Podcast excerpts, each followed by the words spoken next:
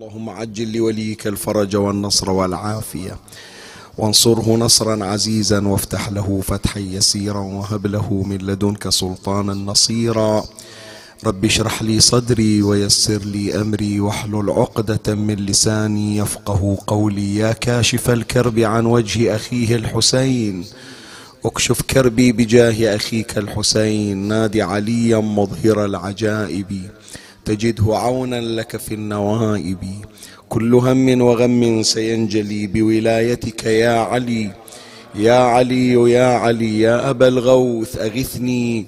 يا فارس الحجاز أدركني بلطفك الخفي ولا تهلكني. يا مولاتي يا فاطمة بنت محمد أغيثيني يا سيدتي. دخلي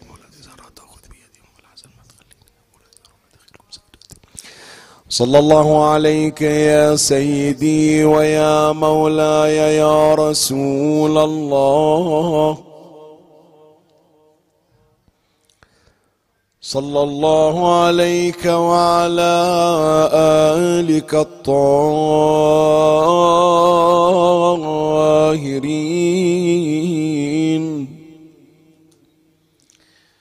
فاز من اعتصم بكم وأمنا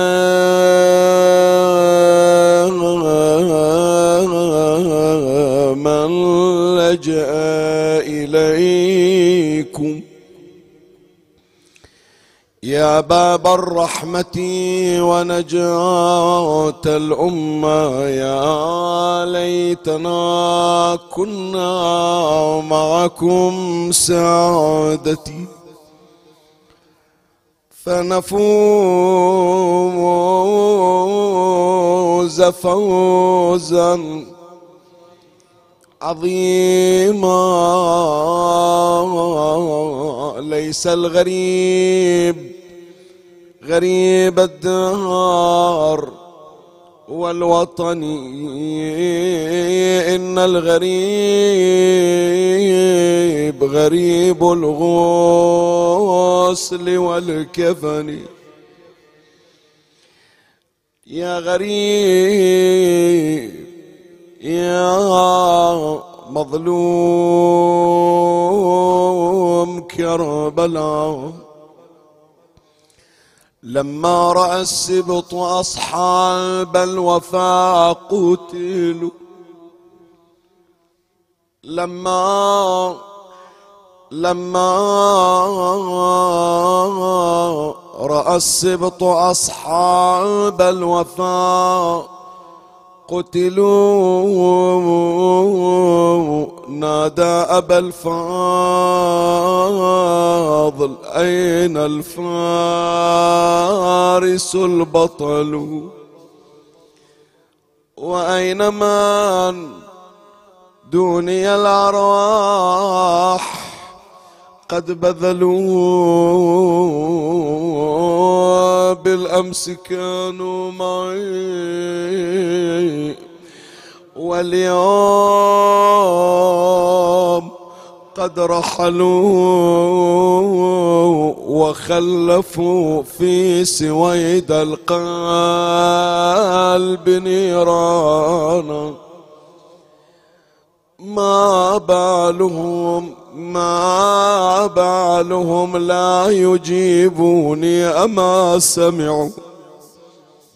ما بالهم لا يجيبوني أما أما أما سمعوا. ألم يروني وحيدا ما الذي صنعوا؟ بل هم سكارى سكارى بكاسات الردى. جرعوا نذر غلاي لئن عادوا وإن رجعوا لأذبحن إلى الرحمن. قربانا أحباي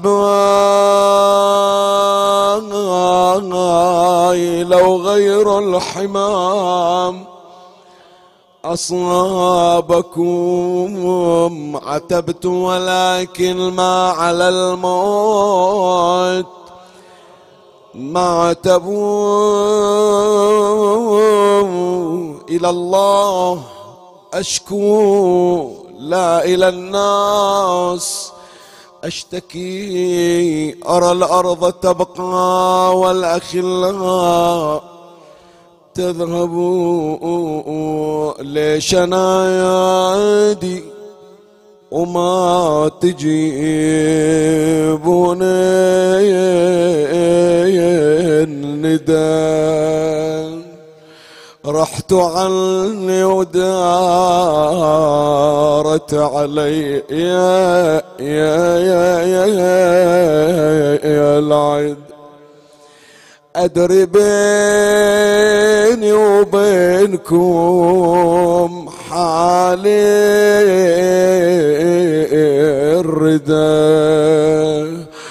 الردى وبيدارت خيلها وفرسانها. ليش يا عابس يا مسلم يا حبيب؟ ليش يا اخواني تخلوني غريب ليش اناديكم ولا أسمع؟ مجيب وبي دارت خيلها وعدوانها. شلون يا عباس تركني وحريم محيرة؟ عايف الخيمة يا أبو فاضل نايم بالثرى. هذه زينب عقب عينك بالحرم متمرمر. وتدري اللي يفقد عضيده. تقل يا خويا حيلته وبس نظر الأكبر علي وعاين وصال مقطعة. نسى الجاسم والعضيد اللي بجنب المشرعة. انحنى فوق وغسل ضربة الراس بمدمعه وجذب حسرة على الولد والحزن ذوب مهجته عند كل جنازة الحسين يقرأ مصرع. يم العباس يقرأ مصرع. يم الأكبر يقرأ مصرع. يم مسلم يقرأ مصرع. يم حبيب يقرأ مصرع. وكل ساعة ون طالعة من الحسين. وزينب بالخيمة وتسمع الأنين. فتحت باب الخيمة وإذا تشوف حسين متكى على قائم سيفه. صاحت أبا عبد الله لمن تنادي؟ أقرحت فؤادي سويت بينا أبو علي؟ الملائكة رفعت رؤوسها من صوامع العبادة حزنا على استغاثاتك يا حسين. قال لها زينب راحت الخيم وراحت أهل الخيم والشبان راحوا. صاحت مالك معين مالك معين. الله يعينك مالك.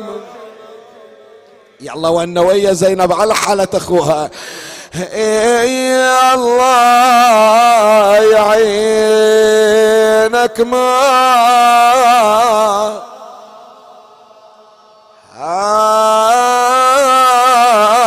لك معين مالك معين. يا أبو علي قومك على الغبرة مطاي. إي والله قومك على الغبرة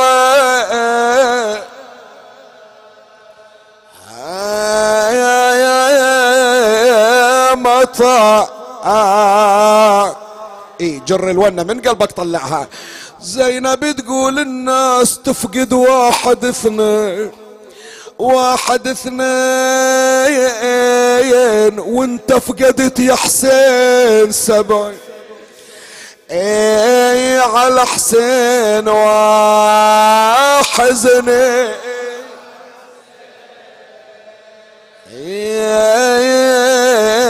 على حسين.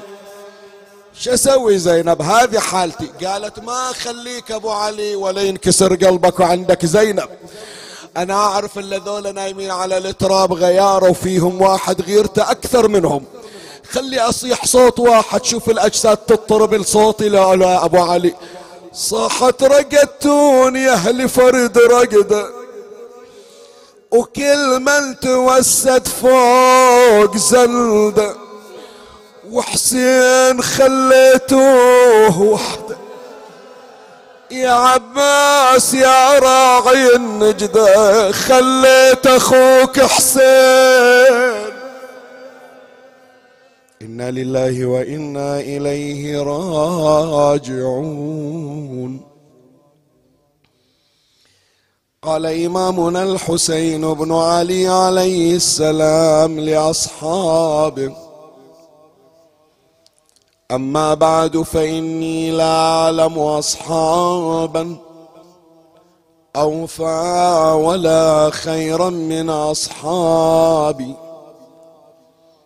ولا أهل بيت أبر وأوصل من أهل بيتي فجزاكم الله عني خيرا لروح إمامنا الحسين بن علي عليه السلام. ثلاثا بعلى الأصوات صلوا على محمد.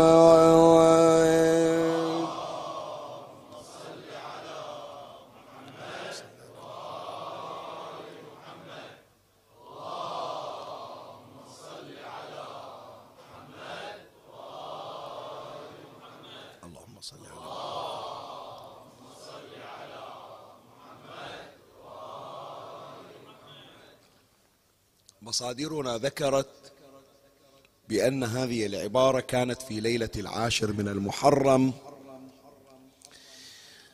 ذكرها إمامنا الحسين عليه السلام في جمع يضم أصحابه وأهل بيته.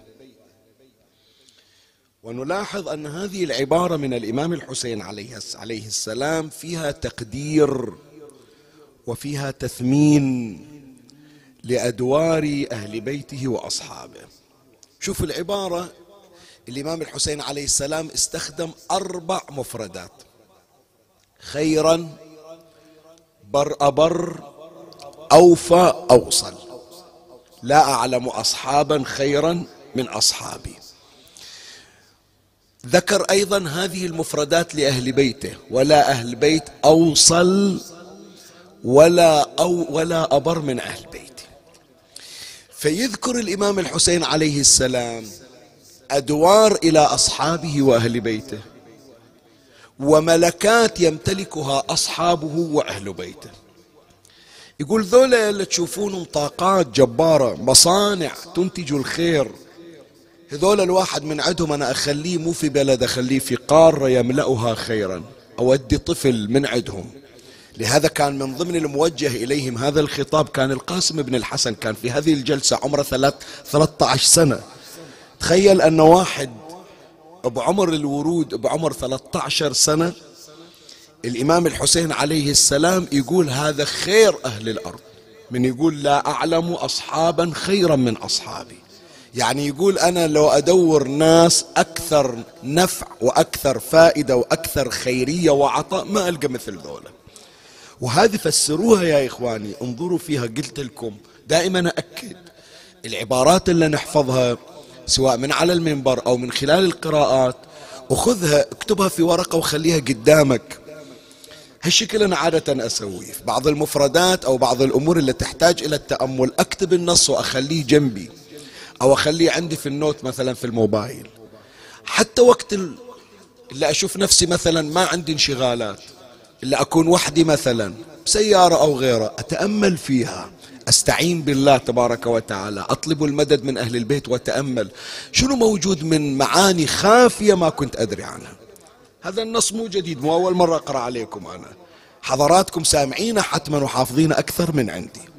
بس يحتاج فقط إلى فترة من التدبر مع الاستشراف ومع استلهام الأنوار. تكتشف أشياء لما يقول الإمام الحسين عليه السلام للقاسم أنت يا القاسم عمرك 13 بالكثير 15 سنة الدنيا ما فيها قاسم ثاني.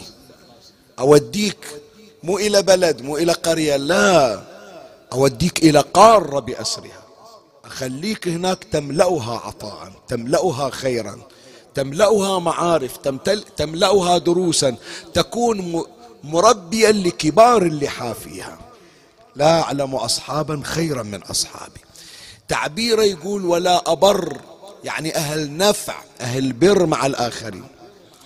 يحكي عن ملكاتهم الشخصية. عندهم وفاء عندهم صلة. حتى مع من آذاهم يفكرون في صلته. حبيبي بن مظاهر صاحب هذه الليلة. تدري شلون؟ بعض من أقربائه ضغطوا عليه. فائدة سريعة ما كانت من ضمن البحث بس كأنما الليلة ليلة مولانا حبيبي بن مظاهر يحتاج أنه نقف عند بعض الجوانب الخفية. شوف كلها على ضوء وعلى نور كلام إمامنا سلام الله عليه. ليش حبيبي بن مظاهر يسألون شبابنا ما كان موجودا في أزمة مسلم ابن عقيل؟ تمام لولا؟ مو هذا سؤال مستحق دائما يسألون. شيخنا ليش مسلم ابن عقيل يمشي في الأزقة في الشوارع؟ مسلم حبيبي بن مظاهر وين كان مسلم ابن عوسجة؟ وين كان؟ ليش خلوه؟ ليش ما دافعوا عنه؟ انت تعرف بأن حبيب بن مظاهر ومسلم بن عوسجة وغيرهم ذول رموز في العشائر. ومن الأعراف العشائرية بأنه العقوبة من تقع إذا فرد صدرت من عنده خطيئة ما يعاقبون فقط الفرد وإنما يعاقبون منه؟ الجماعة. يعتبرون الجماعة متضامنة معه لا سيما إذا كان وجها في جماعته وعشيرته. فأي موقف يصدر من واحد من عندهم يحلون العقوبة بمن؟ بالعشيرة بأسرها. ولهذا هذا كله قلت لك إثارات قبل أن أخوض في البحث حتى يكون حديثنا أكثر فائدة وأكثر منفعة. فلهذا تسمع أن بعض من أنصار الحسين عليه السلام لما أراد أن يلتحق بالإمام الحسين إيش سوى؟ طلق زوجته. بعضهم قال ليلة العاشر من المحرم إذا لما طلقنا حلائلنا؟ زين من نقرأ الكلمة أنا سابقا يعني في بداية قراءتي أفكر أقول ما أقدر أقرأها؟ شنو ذنبها مسكينة؟ طيب أنت تريد تصير شهيد. أنا شنو ذنبي تطلقني؟ شو مسوية إلك من خطيئة؟ بس من إجينا نقرأ بالتحليلات افتهمنا يا إخواني. هذه زوجة الشهيد أرملة الشهيد. محتمل أنه يفرغون انتقامهم في من؟ في النساء. ما قدروا يستشفون تماما في قتلة الحسين في أنصار الحسين عليه السلام. فبعد المجزرة شو يسوون؟ يقومون بإعادة التصفية تصفية النساء تصفية الأطفال يعتبرونها متضامنة يعتبرونها من ضمن كادر المعارضة. فتتعرض للمضايقة. وهذا تقول لي ما يصير؟ ليش ما يصير؟ خول صار على نساء الحسين شنو؟ أنتوا لكم شغلة ويا الرجال؟ شو لهم علاقة النساء والأطفال؟ فبعض من أنصار الحسين عليه السلام كانت عنده خطوة احترازية. قال هذه أطلقها حتى لو يريدون يكبسون بيتي يصادرون أموالي ما يأخذونها رهينة ويعتقلونها. ويقولون تعالي علمينا إيش صار ما صار على الأقل التحقيق. لا والله طلقني قبل لا يروح للحسين ما إلى ذنب ما إلى علاقة به وتنتهي حفاظا عليها. وهذا كان أشاروا إليه. الإمام الحسين ما كان يدعوهم إلى التطليق. قال لهم أخذوا أهلكم ودوهم إلى ناس تأكدون أنهم يدافعون عنهم. ليش تطلقونهم؟ فلهذا قال لعلي بن مظاهر خذ أهلك وانصرف بها من كانت في رحله امرأة فليرسلها إلى بعض بني عمومتها. زين عودا على بدر. حبيب بن مظاهر من الذين تعرضوا إلى المضايقات. من المضايقات اللي تعرض لها حبيب بن مظاهر شنو؟ تم وضعه رهن الإقامة الجبرية من قبل عشيرته. يقولون له حبيبي انت الزمن خوف. وإذا عرفوك بأنه أنت راح تروح إلى كربلاء خو انت روح تروح تستشهد. إحنا ناكلها إحنا عشيرتك ناكلها. فخلوه رهن الإقامة الجبرية. وهذا اللي تسمع راح تسمع الليلة وتسمع باكر وحافظنا ليش جابوا اثنين يقعدون. يقولون إلى بأنه متى راح تروح كربلاء وكلمة حبيب شنو؟ الحسين سلطان. ويزيد سلطان ومالي والدخول بين السلاطين زراعته يا جماعة المزرعة مالته ما يقدر يروح. يوم ودى العبد ماله ويا الجواد قال له روح انتظرني هناك إجا متسلل خايف لو تدري عشيرته قالوا قبل لا تروح كربلاء إحنا نقتلك ولا نأذي أنفسنا. فهذا جواب على السائل الذي يسأل يقول ليش ما شفنا حبيب ابن مظاهر إلى تواجد في قصة مسلم؟ مجموعة من أنصار الحسين عليه السلام في أرض كر في أرض الكوفة كانوا رهن الإقامة الجبرية. فإذا حبيب تعرض للأذى من قبل بعض من عشيرته مو كل عشيرته. مع ذلك شوف اللي يحبون الخير. منهج حبيب بن مظاهر منهج أمير المؤمنين سلام الله عليه. يعني. أول ما وصل حبيب ابن مظاهر إلى الإمام الحسين عليه السلام. قال له أبو علي تعطيني رخصة. قال ليش عندك حبيب؟ قال أكو جماعة من قرابتنا. منا نازلين صوبنا مو بعيد واجد عن كربلاء. تأذن لي بأنه أنا أروح أدعوهم أنا صح ضايقوني أذوني. لكن أنا أتمنى لهم الخير. فأروح أحكي وياهم وأطمعهم أقول لهم ترى أنا رايح للجنة وحايز على السعادة تحبون تجون وياي؟ نسيت التاريخ الماضي خلنا نفتح صفحة جديدة. الحسين باب الرحمة قال له روح حبيب ولا تروح وحدك بعد. وخذ وياك جماعة وخذ وياك تقريبا عشرين شخص اطلع وياه. وفعلا أخذ كما ذكر العلامة المجلسي في بحار الأنوار ثلاثين رجل وطلع وياهم حبيب ابن مظاهر. هذا متى كان؟ تقريبا ثمانية محرم ليلة الثامن ليلة التاسع. حرك الثلاثين رجل من خيم الحسين إلى المنطقة اللي نازلين فيها جماعة من بني أسد. التفتوا العيون اللي كانوا في معسكر عمر بن سعد. عمر بن سعد نزل ستة محرم فقاعدين يراقبون الوضع. شافوا ثلاثين رجل طالعين قالوا حتما حبيب بن مظاهر لأن بني أسد مبعثرين موجودين داير مدار حتما رايح يستقوي فأنتوا اقطعوا عليهم الطريق. حبيب راح إلى عشيرته قعد وياهم قال أولاد عمي أنا الآن وصلت كربلاء. طلعت أنتوا حاطين رهني الإقامة الجبرية. قدرت أتسرب وأجي. بس أنا طامع بأن هالخير اللي موجود اللي راح نحصله بالدنيا وبالآخرة. ما يصير بس إلي. هم أنتو. بالأخير إحنا لحم واحد دم واحد. طيعوني وأنتو تعرفوني أنا ما يوم من الأيام نقلت لكم أكذوبة. أنا ربيب علي بن أبي طالب. كلام أمي كلام حبيبي بن مظاهر أثر في نفوس أولادي عموما. قسم من عندهم قالوا إحنا خلاص رايحين وياك. إحنا ما عرفنا حجم الشهادة بس إنت طمعتنا فيها راح نجي وياك.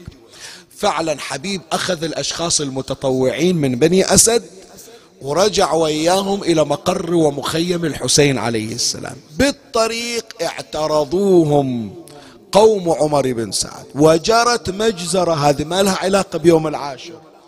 هذا شلون اللي يتابعون المجالس في السنوات السابقة؟ من أقول لكم بأن شهداء الحسين عليه السلام أنصار الحسين أكثر من 72 أكو بعضهم قتلى قبل يوم العاشر وأكو بعضهم قتلى يوم العاشر وأكو بعضهم قتلى بعد مقتل الحسين وأكو بعضهم قتلى يوم الحادي عشر من المحرم. حتى يوم 11 كانت هناك مجازر وحروب. تقول لي ويا من؟ السبي من طلع من كربلاء كان هناك مداهمة وناس جايين ما التحقوا في اليوم العاشر. استشهدوا في يوم الحادي عشر من المحرم. فهذول من ضمن الأشخاص الذين سقطوا قتلى قبل يوم العاشر من المحرم. بعض النظريات أقول بعض النظريات مو كل مو جزما. يقولون بأن القبر الموجود على مشارف كربلاء المقدسة. تمر على مرقد إلمن عون ابن عبد الله ابن جعفر. منو عون هذا؟ نظرية تقول بأنه ابن الحوراء زينب عليه السلام. ابن عبد الله ابن جعفر نظرية من النظريات. بعضهم يقولون لا عالم اسمعون ابن عبد الله ابن جعفر. ما له علاقة بواقعة الطف. بس أكو رأي آخر. زين إذا قلنا بأنه عون بن الحوراء زينب ليش مدفون هناك؟ نرجع لها الرواية اللي ذكرتها؟ أنه كان مع الذين خرجوا مع حبيب بن مظاهر وتعرضوا للمداهمة في المعارك الأولية وسقط شهيدا فدفن قبل الرجوع أو وقع شهيدا والإمام زين العابدين لما رجع قد يكون هو لدفنه الآن مسألة الدفن ما متعرضين إليها. فهذه إثارة سريعة تبين كيف أن حبيب بن مظاهر أهل خير تربية علي تربية الحسين. شهد له الإمام الحسين بأنه خير للجميع حتى لمن أحبه ولمن أبغضه. فهذا التثمين من الحسين وهذا التقدير لأصحابه يدعونا أن نتوقف لنستلهم درسا يفيدنا في حياتنا. إذا عندك طاقة لا تفرط فيها إذا عندك كفاءات لا تستهين فيها. حاول تشجعها حاول تنميها حاول تشد من أزرها. حاول تبين الملكات المدفونة عندها.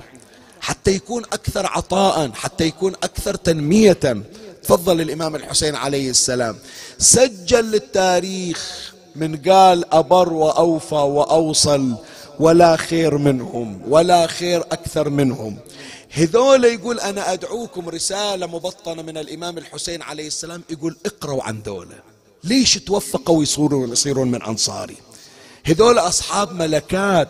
فهذا هي الإشادة وهذا التثمين والتقدير من الإمام الحسين عليه السلام ليبرز ويقدر الطاقات والكفاءات التي عنده. من هنا نخوض الآن في بحثنا لهذه الليلة فيما تبقى عندنا من وقت. والذي هو الحلقة السادسة من سلسلة قصة الإمام الحسين عليه السلام دروس لكل الأجيال. ودرس هذه الليلة بعنوان تقدير الكفاءات. كيف نقدر الكفاءات لتنتج أكثر. وكيف كان إمامنا الحسين عليه السلام مقدرا للكفاءات التي عنده؟ سأبحث هذا الموضوع إن شاء الله في فصول ثلاثة. ومن الله أستمد العون والتوفيق ومن مولاي أبي الفضل العباس المدد ومنكم ألتمس الدعاء. وثلاثا بأعلى الأصوات صلوا على محمد وآل محمد.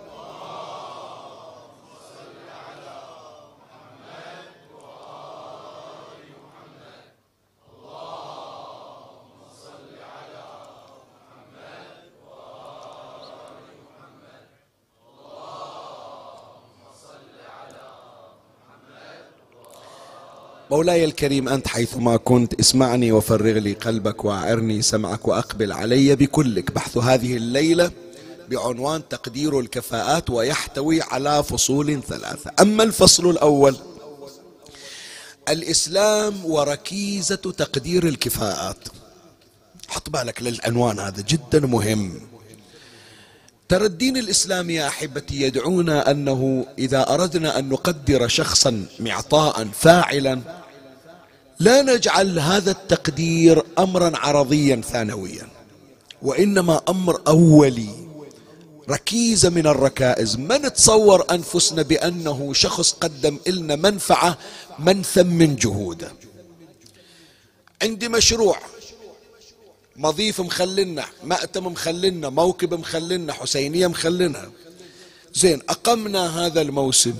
عندي طاقم لا يقل عن ستين ثمانين شخص كلهم يعملون كخلية النحل. خطيب يقرأ جهاز إعلامي جهاز خدمات نعم جهاز صوتيات وما أشبه. ذولا على قدم وساق ليلا نهارا الناس تطلع تخلص المجلس وتروح ترجع ترتاح. وذولا يشتغلون اليوم ثاني. ينتهي الموسم ليلة 13 يقعد البعض من إدارة الحسينية. شو تقولون؟ نكرمهم؟ لا خلي إن شاء الله السنة الجاية. السنة ما, ما عندنا فرصة. هم الناس راح تسافر وإحنا الميزانية اللي عندنا إن شاء الله نخليها لو بعدين إذا ما صار السنة الجاية.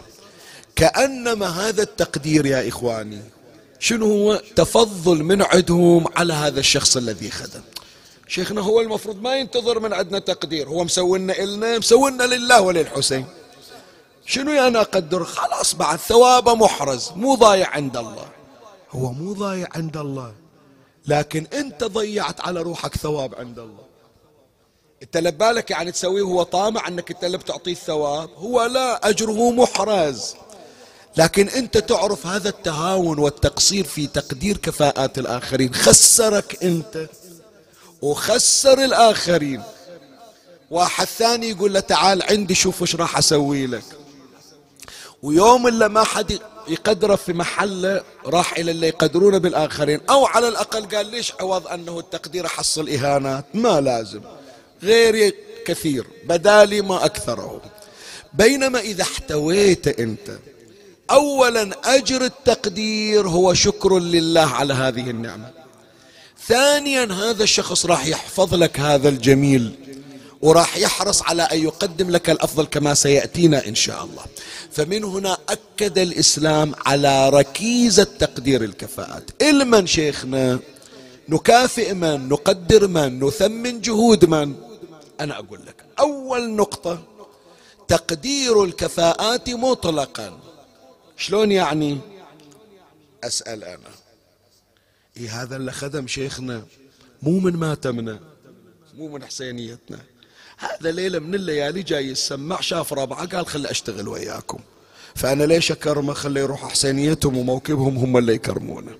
أكو هالشكل نزعل ولا إن شاء الله ماكو نهائيا. مرات تترقى السالفة خاف أقول بس أنا أقول قبل لا يصير أحذر وأشير إلى دور الإسلام. يجي واحد يقول شيخنا أنا شلون أعطيه من أموال الحسين؟ هذا مو شيعي. هذا واحد ثاني من من مذهب آخر. زين. يجي واحد يقول لا شيخنا هذا مو مسلم بالأساس. شلون مو مسلم؟ يمكن إحنا مو صايدنا هذا الابتلاء بس موجود ببلدان أخرى. يعني جزاهم الله خير في العراق وبعض من أحبتنا سواء كان في البصرة أو في بغداد الحبيبتين. أكو جماعة من غير الدين الإسلامي. اسمعني إيش أقول لك؟ من غير الدين الإسلامي. وشارك في خدمة الإمام الحسين عليه السلام. الله يعطينا وإياكم إن شاء الله في القريب العاجل زيارة الإمام الحسين بالأربعينية إحنا هناك. راح تشوف اللي يخدمون بالموكب بالطريق طريق المشاية. بهم صابئة بهم مسيحيين. وشوف بصمة الحسين بقلوبهم شلون. شوف إيش سوى الحسين إيش زرع بقلوبهم. هذه أزمة حرق المصحف اللي صارت بالسويد وصارت في بعض البلدان. تدري بعض من اللي وقفوا؟ ما أقول لك سني أو شيعي. بعضهم مسيحيين بعضهم صابئة بعضهم ملاحدة. قالوا بس إحنا شفنا جمال الخدمة الحسينية. وحبنا إلهم وبعضهم نظر إلى العراق بما هو عراق بكل أطيافه. بالسني بالشيعي بالمسيحي بالصابئي بالإيزيدي بكل أطيافه. حتى هذا الذي لا يؤمن بالله. مدام هو عراقي يجمعنا بلد واحد وإحنا إخوة وإذا واحد من عندنا عنده خطأ الأخ الثاني سدده. هو المسؤول عنا يقومه لأنه إحنا إخوة في بيت واحد اسمه عراق. وهكذا كل الناس لازم تحمل هذا الهم.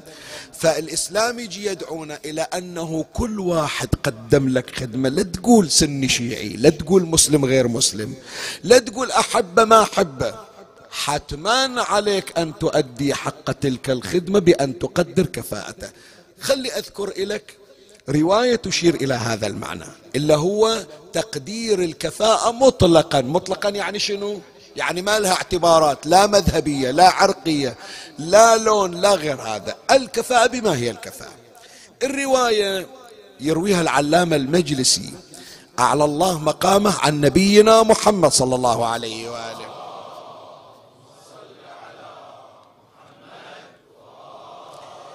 إلا نقل الرواية إمامنا الباقر سلام الله عليه.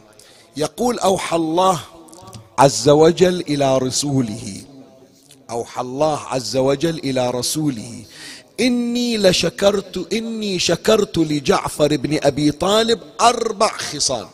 الله منزل على النبي صلى الله عليه وآله يقول ترى جعفر ابن عمك جعفر الطيار أحب عنده أربع خصال وأنا أشكر عليها. منو اللي يشكر؟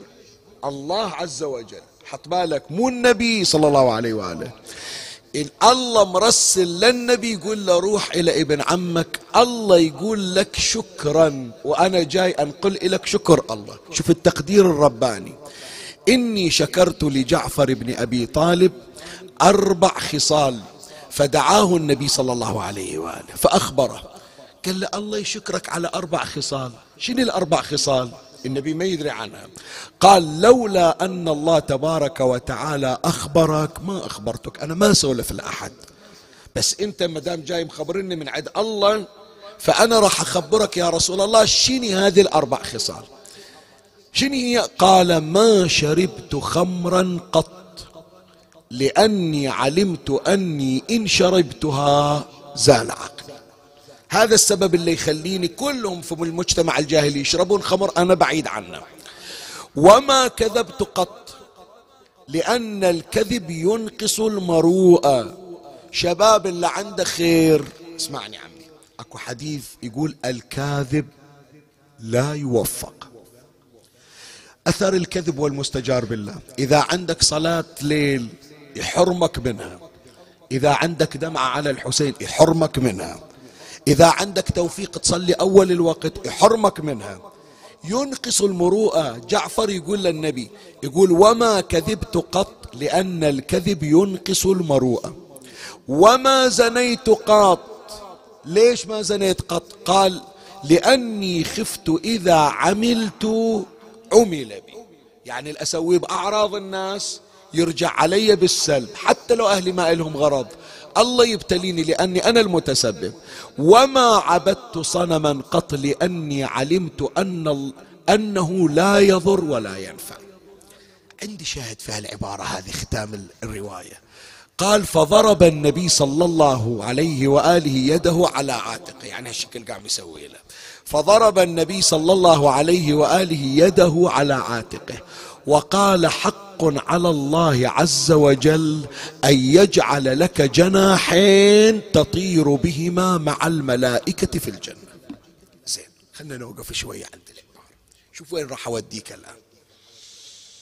هذا الكلام بين النبي وبين جعفر بداية الإسلام. بعده لا صارت حروب لا صارت معارك. بعد حتى جعفر ما راح إلى الحبشة. بعد بداية الإسلام. منو يقول لي عمي أطلب من عندكم منو يقول لي جعفر ابن أبي طالب قتل في أي معركة؟ مؤتة. مؤتة في وين؟ الأردن. أحد يتذكر السنة أي سنة؟ يرد علي. رايح عنكم؟ تسعة للهجرة. سنة تسعة للهجرة صارت معركة مؤتة وقتل فيها جعفر مع عبد الله بن رواحة وزيد بن حارثة. هذا الكلام اللي نحكي عنه قبل تقريبا 22 سنة. 13 سنة النبي صلى الله عليه وآله في مكة. وتسع سنوات شقد صيرا 22 سنة. قبل 22 سنة. لا حرب صارت لا بدر لا أحد لا خندق لا أح لا خيبر لا حنين لا مؤتة صارت. ويقول للنبي أنا أتمنى يجي ذاك اليوم. إلا عوض هالشفين الله يعطيك شنو؟ جناحين تطير بهما مع الملائكة. شو نستفيد من هذا الدرس أحبتي؟ شو نستفيد؟ أنا أقول لك إيش نستفيد. إحنا ليش ننتظر إلى أن يفارق الحياة ذاك الكفو صاحب الموهبة حتى نسوي إلى حفل تأبين؟ المحقق العالم الباحث الجهبذ صاحب المؤلفات صاحب الدروس صاحب صاحب صاحب صاحب. وعمي بنر من أول الحائط لتحت الحائط كل أوصافه زين هذا لازم أول أحفر قبري حتى الناس تعرف عني وين هذه الألقاب وهذا التقييم؟ ليش ما صار في البداية؟ ليش أنا لما هذا كان موجود؟ أنا أحكي الآن كولد عمري 15 سنة 16 سنة. من أجي تالي إلى هالاحتفال التأبيني. هذا فلان عالم هذا خطيب مميز هذا شاعر جهبذ هذا صاحب خدمات هذا صاحب خيريات هذا جراح ماهر هذا دكتور جامعي هذا شخص مندوب في الخارج هذا هذا. ليش ما علمتوني يوم كان على قيد الحياة؟ كان رحت قعدت وياه واستفدت من عنده. ليش حرمتني؟ ليش متعودين إحنا يا إخواني أنه ما نثمن الشخص ولا نقدر الكفاءة إلا متى؟ أول يموت. بينما شوف النبي صلى الله عليه شيء يقول له. من درى عن الأربع خصال؟ قال استمر. وهذه كلمة استمر خلى عندك الآن راح أعلق عليها. قال له استمر أريدك ترقيها. أريدك تتكامل وترتفع وتنمو وتتطور وأريدك أنت تصير إلك منزلة خاصة الكل يغبطك عليها. مو الآن راح تطلع فيما بعد. تعرف لما يجي لك ولد مسوي له بيتين شعر أو يجي لك مثلا واحد يقول لك شيخنا ممكن بس أصعد على المنبر أقرأ بيتين أقرأ لك مقدمة. أو مللتنا شنو مسوي نفسك أنت أحمد؟ شوقي شاعر لو الجواهري شنو صوتك؟ منو انت؟ اي رادود. يلا فكنا. كسرته ذبحته. بينما لما تخلي إيدك على ايده وتقول له استمر هذا بداية الخير. صوتك جميل احساسك مرهف. إذا هو ينظم شعر استمر. اقرأ دواوين حتى تقوى موهبتك الشعرية. إذا هو رسام في البداية شخابيط صح. قل له طالع اللوحات حاول تحاكيها. إذا هو يحاول يقرأ يحاول يصعد منبر اسمع لفلان رادود ادرس مقامات صوتية. اتعب أريد أشوفك. مو بس تقرأ عندنا بكل الحسينيات عندنا بالبحرين أريد أشوفك بالفضائيات. هذا شحنة الأمل شو تسوي له؟ تخليه طاقة متفجرة. ويمدح يقول أنا لو ما ذولا ما استويت. وبالفعل هكذا يعلمنا نبينا محمد صلى الله عليه وآله.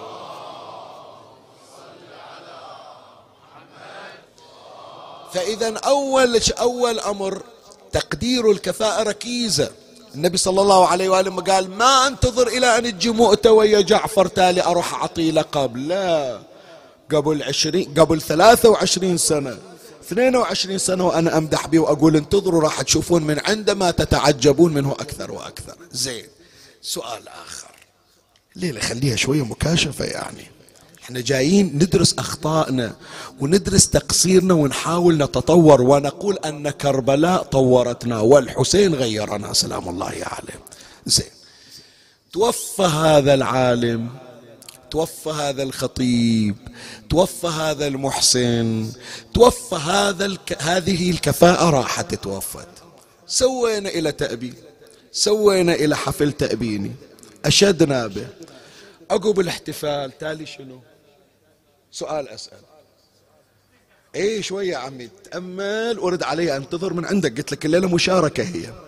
عقب الاحتفال وعقب ما عطينا أهل التكريم درع فمان الله طفينا الضويات وطلعنا. وتالي ها؟ نسينا؟ إذا كلش كلش فلان اقرأ له فاتحة. خلنا نشوف أهل البيت سلام الله عليهم خلنا نشوف أهل البيت شلون يسوون ويا الكفاءات بعد رحيلها. إذا أنت تتصور أن الكفاءة والطاقة من تموت انتهت من تنزلها بالقبر انتهت هذا المعنى عند أهل البيت مرفوض. المعنى اللي عند أهل البيت شنو؟ عنده أولاد لو ما عنده أولاد. عنده ذرية لو ما عنده ذرية. من تشوف ولد الطاقة ولد الكفاءة ولد الموهوب امدحه وقول له على خطى أبيك. ومثل ما أبوك كان مميز إحنا نريدك شو تصير؟ مو مميز أكثر تميزا من. هذا المعنى وين نشوفه؟ سؤال أسأل. هذا أنتظر من عندك جواب ترد علي راح أسكت حتى تجاوبني. زين العابدين لما اندفن عم العباس العباس طاقة لو مو طاقة؟ كفاءة لو مو كفاءة؟ زين عقب ما دفنه وخلى عليه فاتحة وأبنه. انتهى ذكر العباس. شو تقولوا؟ راح أبين لك الآن إيش سوى زين العابدين. هذا الدرس الحضاري من قصة الإمام الحسين سلام الله عليه. يرويها العلامة المجلسي على الله مقام في بحار الأنوار الجزء 44 صفحة 298 قال نظر علي بن الحسين سيد العابدين إلى منه؟ إلى عبيد الله بن العباس ابن علي بن أبي طالب. العباس عليه السلام معلومة إضافية هذه خلوها عندكم. لأنه ممكن نستفيدها إن شاء الله ليلة باكر ليلة أبي الفضل. العباس عنده أولاد لو ما عنده أولاد؟ عنده أولاد. عنده أولاد حضروا كربلاء لو ما عنده؟ ليش سكتوا؟ زين إلا قال عنده كم ولد عنده؟ عنده اثنين حضرا كربلاء واحد محمد ابن العباس الثاني اسمه القاسم ابن العباس. ذول الاثنين حضروا كربلاء واستشهدا قليل أحد يذكرهم أولاد العباس. بالمدينة ظلوا اثنين عبيد الله والفضل. أربعة أولاد عند مولانا أبي الفضل سلام الله عليه. يعني. فهذا عبيد الله طيب هل هو الطفل الذي حملته أم البنين؟ قد يكون الطفل هو الفضل الذي يكنى به العباس أبو الفضل. هو اللي طلعت به شايلتنا على ذراعها. عبيد الله كبير وهو الذي أخبر الإمام زين العابدين بوفاة أم جدته أم البنين. هذا عبيد الله ابن العباس من يدخل على زين العابدين؟ اسمع حط بالك للرواية. نظر علي بن الحسين سيد العابد سيد العابدين إلى عبيد الله بن العباس ابن علي بن أبي طالب عليهم السلام فاستعبر سالت دموعه. ثم قال ما من يوم أشد على رسول الله صلى الله عليه وآله من يوم أحد. قتل فيه عمه حمزة ابن عبد المطلب أسد الله وأسد رسوله. وبعد يوم مؤت قتل فيه ابن عمه جعفر ابن أبي طالب. ثم قال ولا يوم كيوم الحسين ازدلف إليه ثلاثون ألف رجل يزعمون أنهم من هذه الأمة كل يتقرب إلى الله عز وجل بدمه. وهو بالله يذكرهم فلا يتعظون. حتى قتلوه بغيا وظلما وعدوانا. ثم قال رحم الله العباس. فلقد آثر وأبلى وفدى أخاه بنفسه حتى قطعت يده فأبدل الله عز وجل بهما جناحين يطير بهما مع الملائكة في الجنة كما جعل لجعفر بن أبي طالب وإن للعباس عند الله عز وجل منزلة يغبطه بها جميع الشهداء يوم القيامة. زين. شوية عمي خلي أوقف وياك لحظة واحدة. شوف إيش طول هالرواية هذه؟ زين يا مولاي يا زين العابدين ليش هالتطويل؟ انت ابن العباس جاينك خوش أقول إحنا الآن لما نشوف ولد المرحوم شو نقول؟ رحم الله أبوك. صحيح لو لا؟ بعد أروح أجيب له مسلسل شطولة ليش؟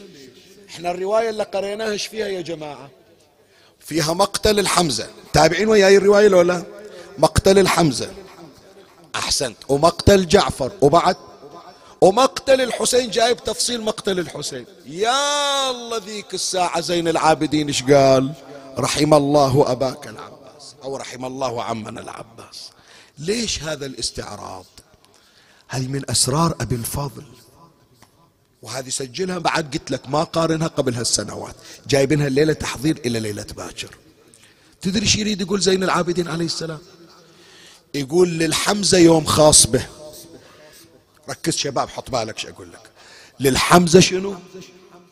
يوم خاص به خلي أسمع من عندك. للحمزة شنو؟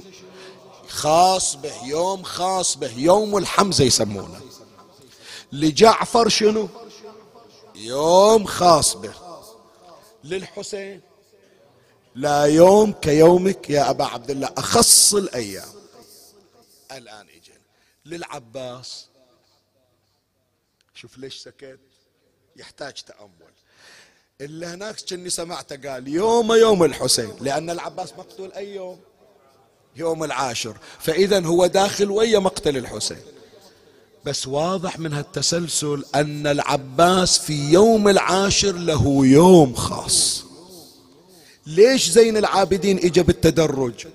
قال يعني لو لم يق لو لم يقتل حسين في يوم العاشر وقتل عوض عنه أبو الفضل لأقمنا عليه يوم كما أقمناه على الحمزة وجعفر.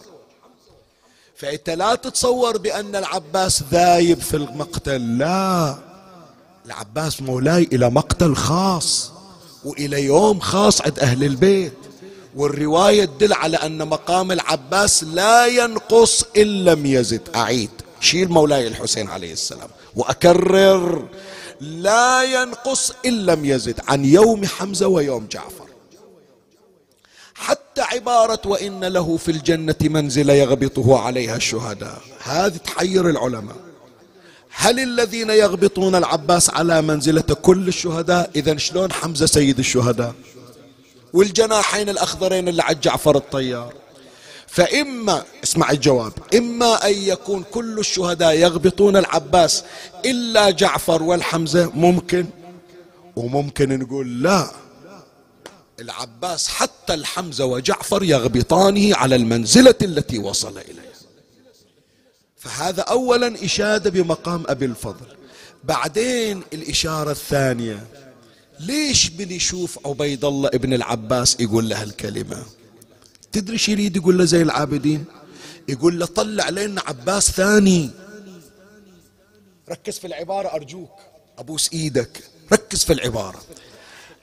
الرواية الطويلة كل مرة من يشوف عبيد الله ابن العباس يقول ما نريد نخسر العباس. العباس ما خسرناه العباس ربحناه أصلا. بس نريد من عندك تطلع عباس ثاني. أنت سلالة أبي الفضل. ونريد من عندك نشوف إذا مو الآن الأيام القادمة. وأدري الزمن رحم الزمن يندر أن يأتينا بمثل أبي الفضل. لكن اشتغل على روحك. سواها لو ما سواها. اليوم أكو واحد يعرفونه أهل العراق يمكن قلة اللي سامعين عنه يسمونه في العراق الحمزة الغربي. الحمزة الغربي منه هو؟ الحمزة ابن القاسم واحد اجى ورا 300 سنة تقريبا من مصرع العباس عليه السلام.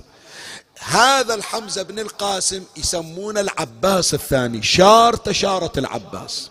عالم من فقهائنا من رواتنا من الشجعان قالوا بأن صورته كصورة جده العباس صوته كصوت عم جده العباس.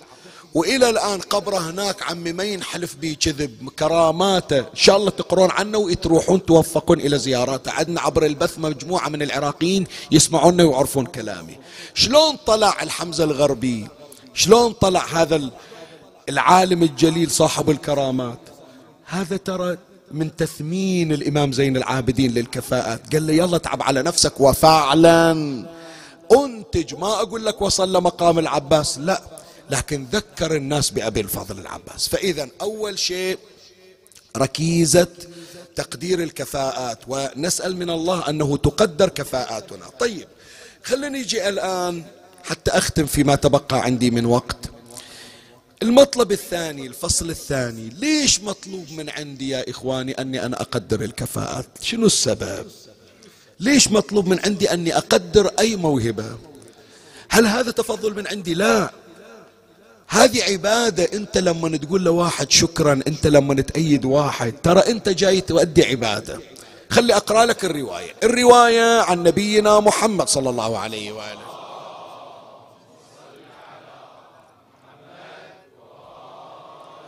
قال رسول الله صلى الله عليه وآله يؤتى بعبد يوم القيامة فيوقف بين يدي الله عز وجل فيأمر به إلى النار والمستجار بالله.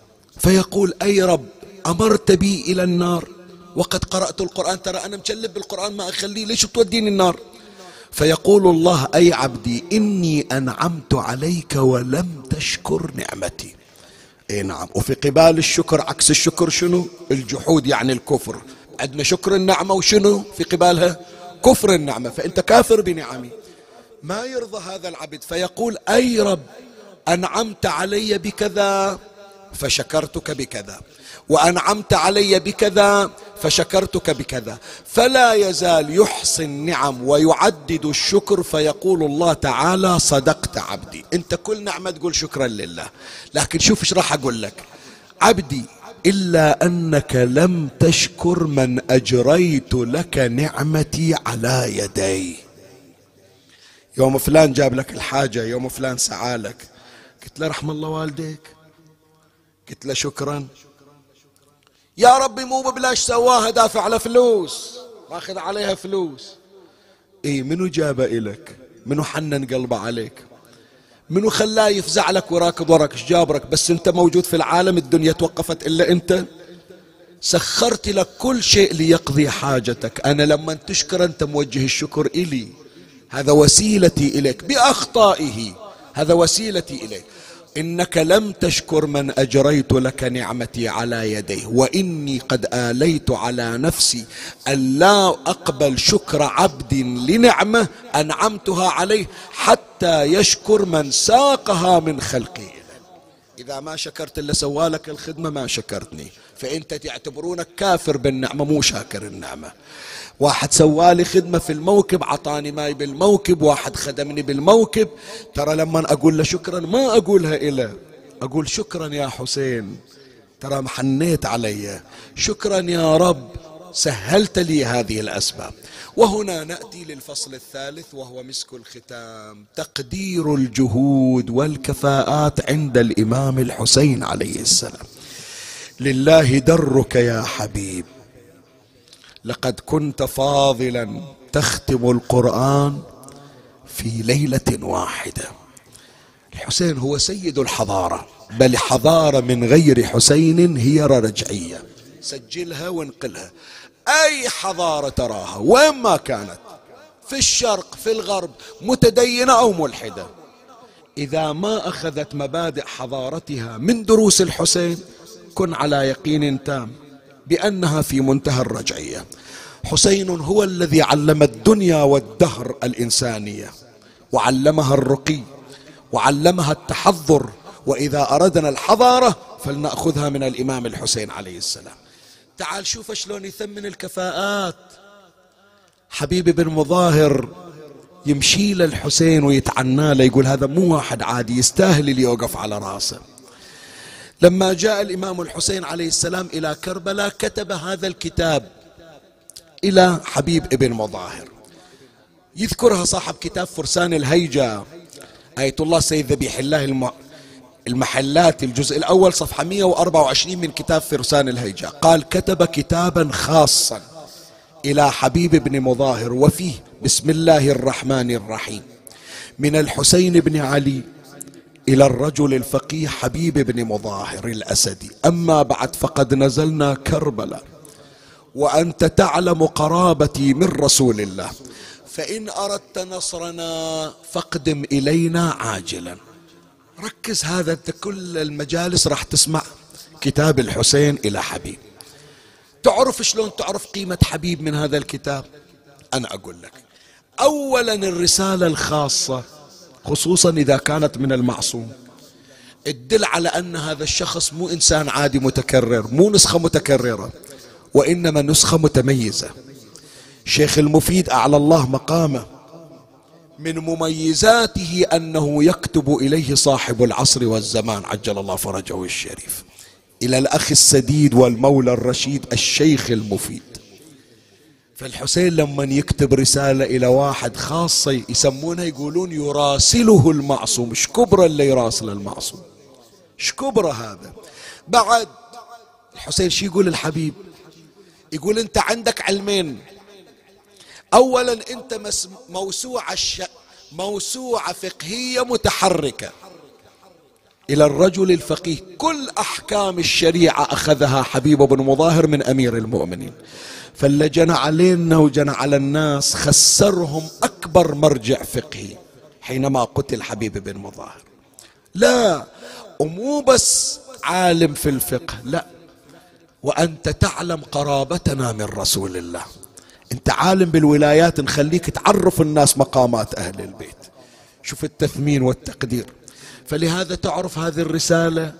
يوم وصلت إلى حبيب بن مظاهر ينتظرها ينتظرها سؤال أسأل يا جماعة. ليش ينتظر حبيب بن مظاهر؟ الرسالة الليلة راح تسمعوا باكر. حبيب قاعد حتى أكل ما يعرف ياكل. والآن يمكن هذا التمثيل أول مرة تسمعه. هذا التشبيه يمكن أول مرة تسمعه. حتى أكل ما ياكل. ليش؟ سؤال أسأل. يدور النصرة والشهادة؟ مو الشكل يقولون؟ لو ما جاء كتاب إلى حبيب يترك نصرة الحسين؟ سؤال أسأل. لو الحسين خلنا نقول فرضا الحسين ما رسل كتاب إلى حبيب بن مظاهر. هل سيدع حبيب ابن مظاهر نصرة الحسين؟ وهو يعلم بأنه حتما راح يروح في كل الأحوال ينتظر الوقت اللي يروح. إذا ليش هالحزن؟ ليش هالتأثر؟ ليش هالبكاء؟ أنا أقول لك ليش. هذا الكتاب ترى شهادة تخرج. هذا الكتاب ترى شهادة تفوق. شايف هذا باكر راح تطلع النتائج. ما ينام ذيك الليلة. وين ينام؟ يقولون له لا تخاف انت ناجح. شفنا درجاتك. قال لا باكر حفل. باكر حفل تكريم. باكر العالم كله راح يشوفني. باكر صوري راح تنزل بالجرائد. حبيبي يقول أنا حتما راح أروح حتى لو ما رسل علي الحسين. العبيد اللي راحوا مو أحسن من عندي. بس أنا ما أريد أروح واحد عادي. أريد أروح واحد مميز. أنا طول عمري مميز مميز عند النبي ومميز عند علي ومميز عند الزهرة ومميز عند الحسن. تالي يوم توصل عند الحسين ينساني أبو علي. حسافة علي تصير كان الليلة حبيبي يقول لنا يقول ما أريد يحطوني في قبر ويا الأنصار على مقام الأنصار. أريد أصير بواب للحسين.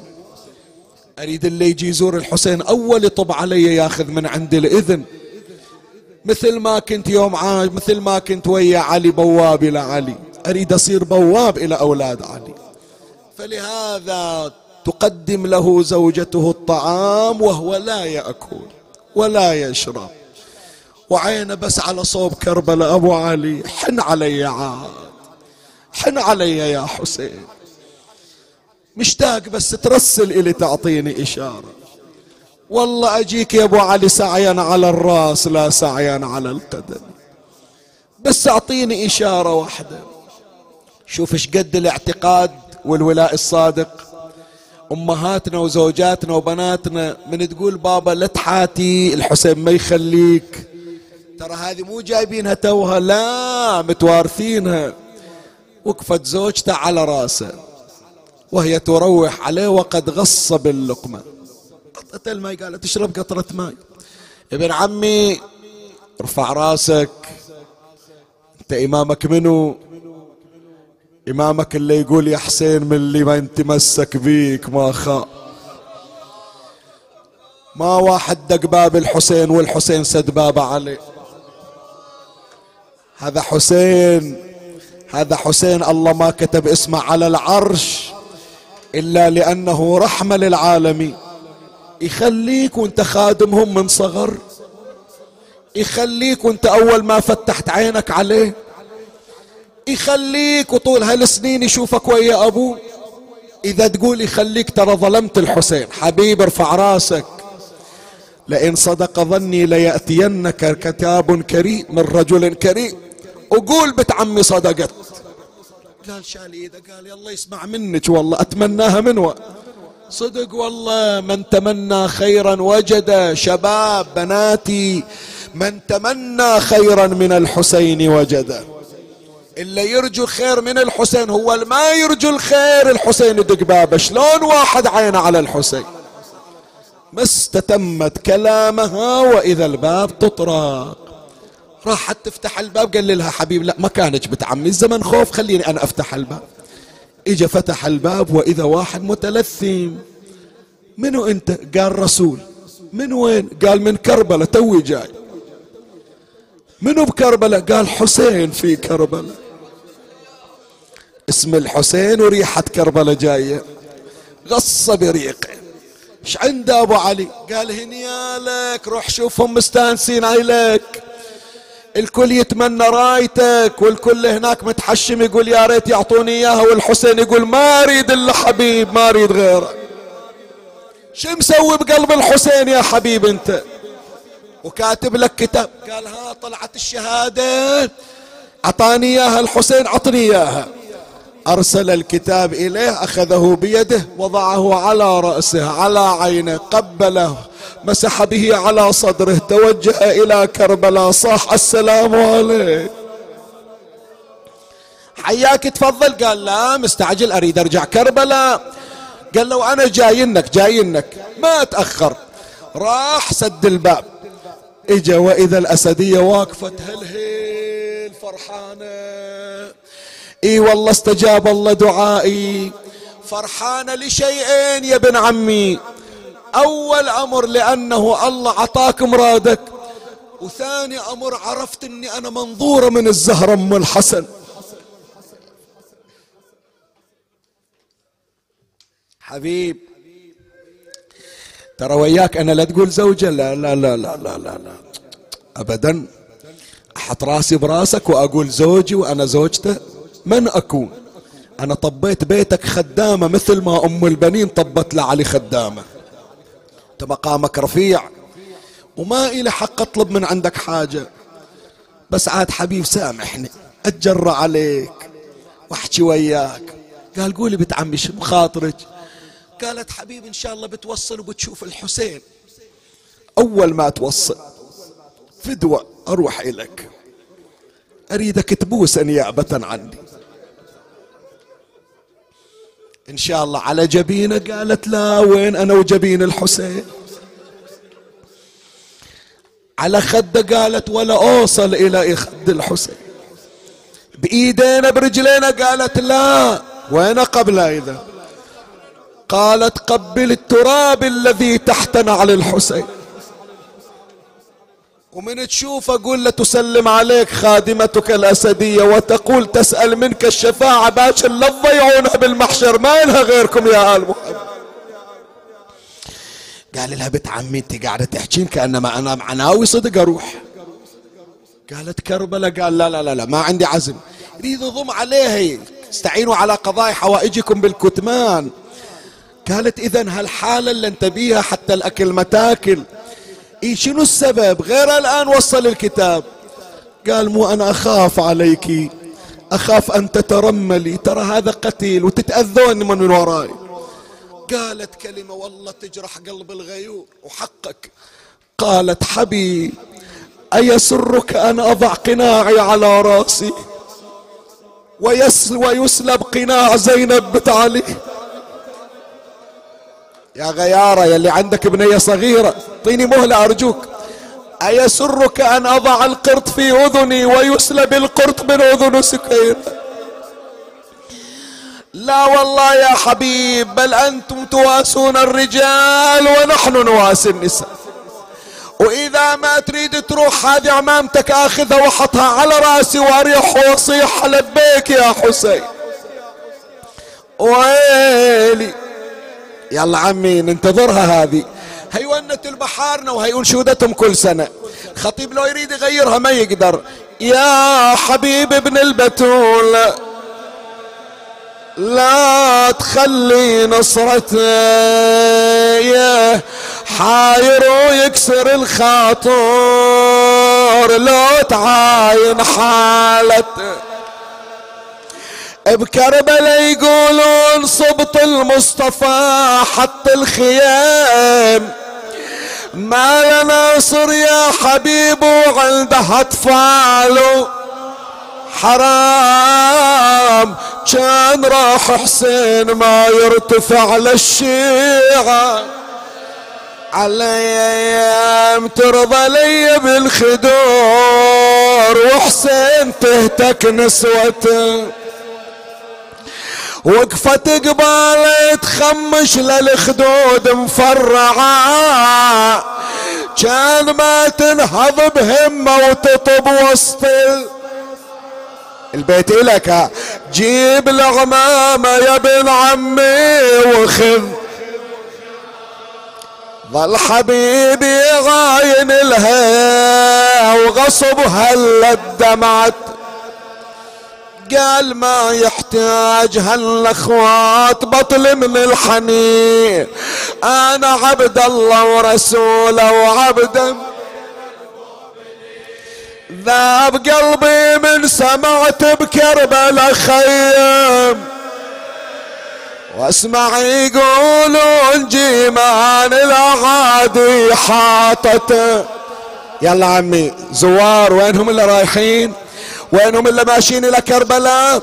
أنت لا تشوف روحك الآن بالحسينية بطريق المشاية. ما حلا ذيك الشماء؟ اليوم وصل كرب. نوصل نوصل نوصل إن شاء الله نوصل هناك. وتشوف مدينة كربلاء المقدسة ترحب بكم. ما حلا ذيك الشمال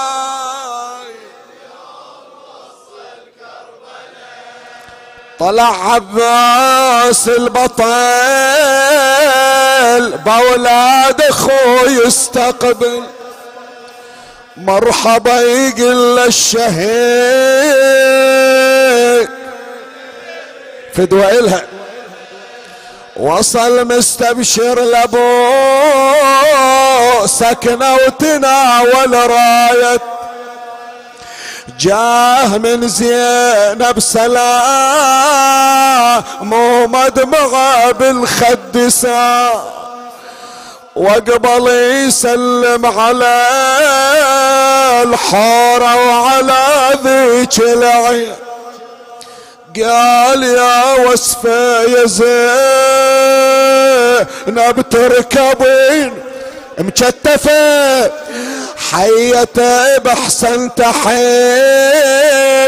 وسر قلبها بنخوته صاح زينب يا الذي من قبل كنت مدلل. تروح شيعتكم طبوق فوق التراب مجدل. أرواحنا تطلع ولا تركبينك ركبوها والله. إي والله ركبوها. هذه ناقتي مهزولة لا موطأة ولا مرحولة.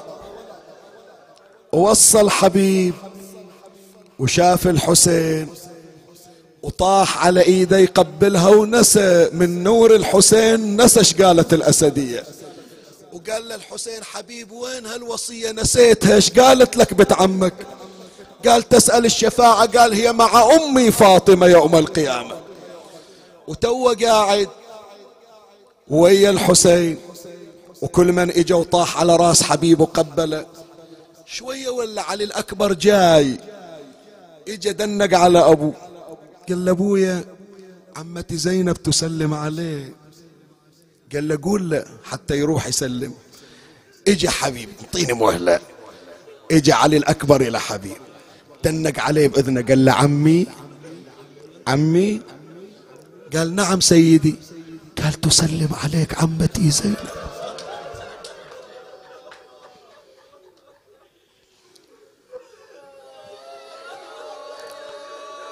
كان يقول للحسين ولدي ماكو غريب بالمجلس. هذا عمها وأنا أخوها وإنت ولد أخوها. قال له يا أبويا عمتي زينب ما يجيبون طاريها في المجالس. فدوى لك. وين راح قلبك ها؟ إيه ما يجيبون طاريها بس يوقفونها بالمجالس. حبيب سامع السلام الزينبي جايبنا. من اكون من اكون وتسلم علي علي. يا زينب بنت علي حامل حمي قوم حبيب رد عليها السلام. ترى من وصلت كربلاء؟ قلبها مجروح. جاء حبيب وقف عند باب خيمة زينب. أعطى ظهره إلى باب الخيمة. أطرق برأسه إلى الأرض. نادى آه لوجدك يا زينب. سمعت الولة واحد يون ويجيب طاريها. قالت هذا منو اللي قاعد يون راحت وقفت عند الباب. فتحت الباب شافت علي الأكبر. قالت يا ابن أخوي هذا منو قاعد يون علي؟ قال عمي حبيب قاعد عند الباب وصيح آه اللي وجدك يا زينب. قالت له حبيب شيل راسك. أنا ما أرضى أحد يون علي. يونون على الغريبة اللي ما عندها والي إلا ما عندها أخوان يونون عليها. طالع إيش عندي؟ 17 قمر واقفين. شوف الشمس اللي قاعدة بالخيمة. شوف القمر اللي يضوي بالخيمة ويا أخوه. اللي عدها 18 ولد وتشوف الحسين قدامهم يونون عليها. قال ما أون عليك اليوم مولاتي إذا راحوا ذول إيش بتسوين بلياهم؟ أسألك الدعاء مسك الختام هذه وأنزل من على المنبر. إي والله قال كأني بك مسبية وجابوها مسبية. الفرد ضحوية فقدت قومي وهلي كان لابت فاطمة ولابت من العشيرة ما بقى واحد إلي وانظر بلوح جفد حجايه أنا كنت أمر وانهي بكلمتي حاضرة كلها عمامي وأخوتي. اليوم اليوم يضربوني من أهل ندمت. عقب أبو فاضل شمر حداي. أنا ما واحد خيالي يشوفه. تالي شافوني أهالي الكوفة. على الجمل ايد بحبل. اللهم صل على محمد وآل محمد. يا قاضي الحاجات يا مجيب الدعوات يا سامع الشكايات اسمع لنا واستجب يا الله. اللهم فرج عنا وعن المؤمنين واقض حوائجهم يا رب العالمين. بلطف إمامنا صاحب العصر والزمان تفضل على المرضى بالشفاء والعافية سيما المنظورين. عجل اللهم فرج إمامنا صاحب العصر شرفنا برؤيته ارزقنا شرف خدمته. ترحم على أمواتي وأموات الباذلين والسامعين والمؤمنين سيما من لا يذكره ذاكر ولا يترحم عليه مترحم. أوصل لهم جميعا ثواب هذا المجلس الشريف وبلغهم ثواب الفاتحة مع الصلوات.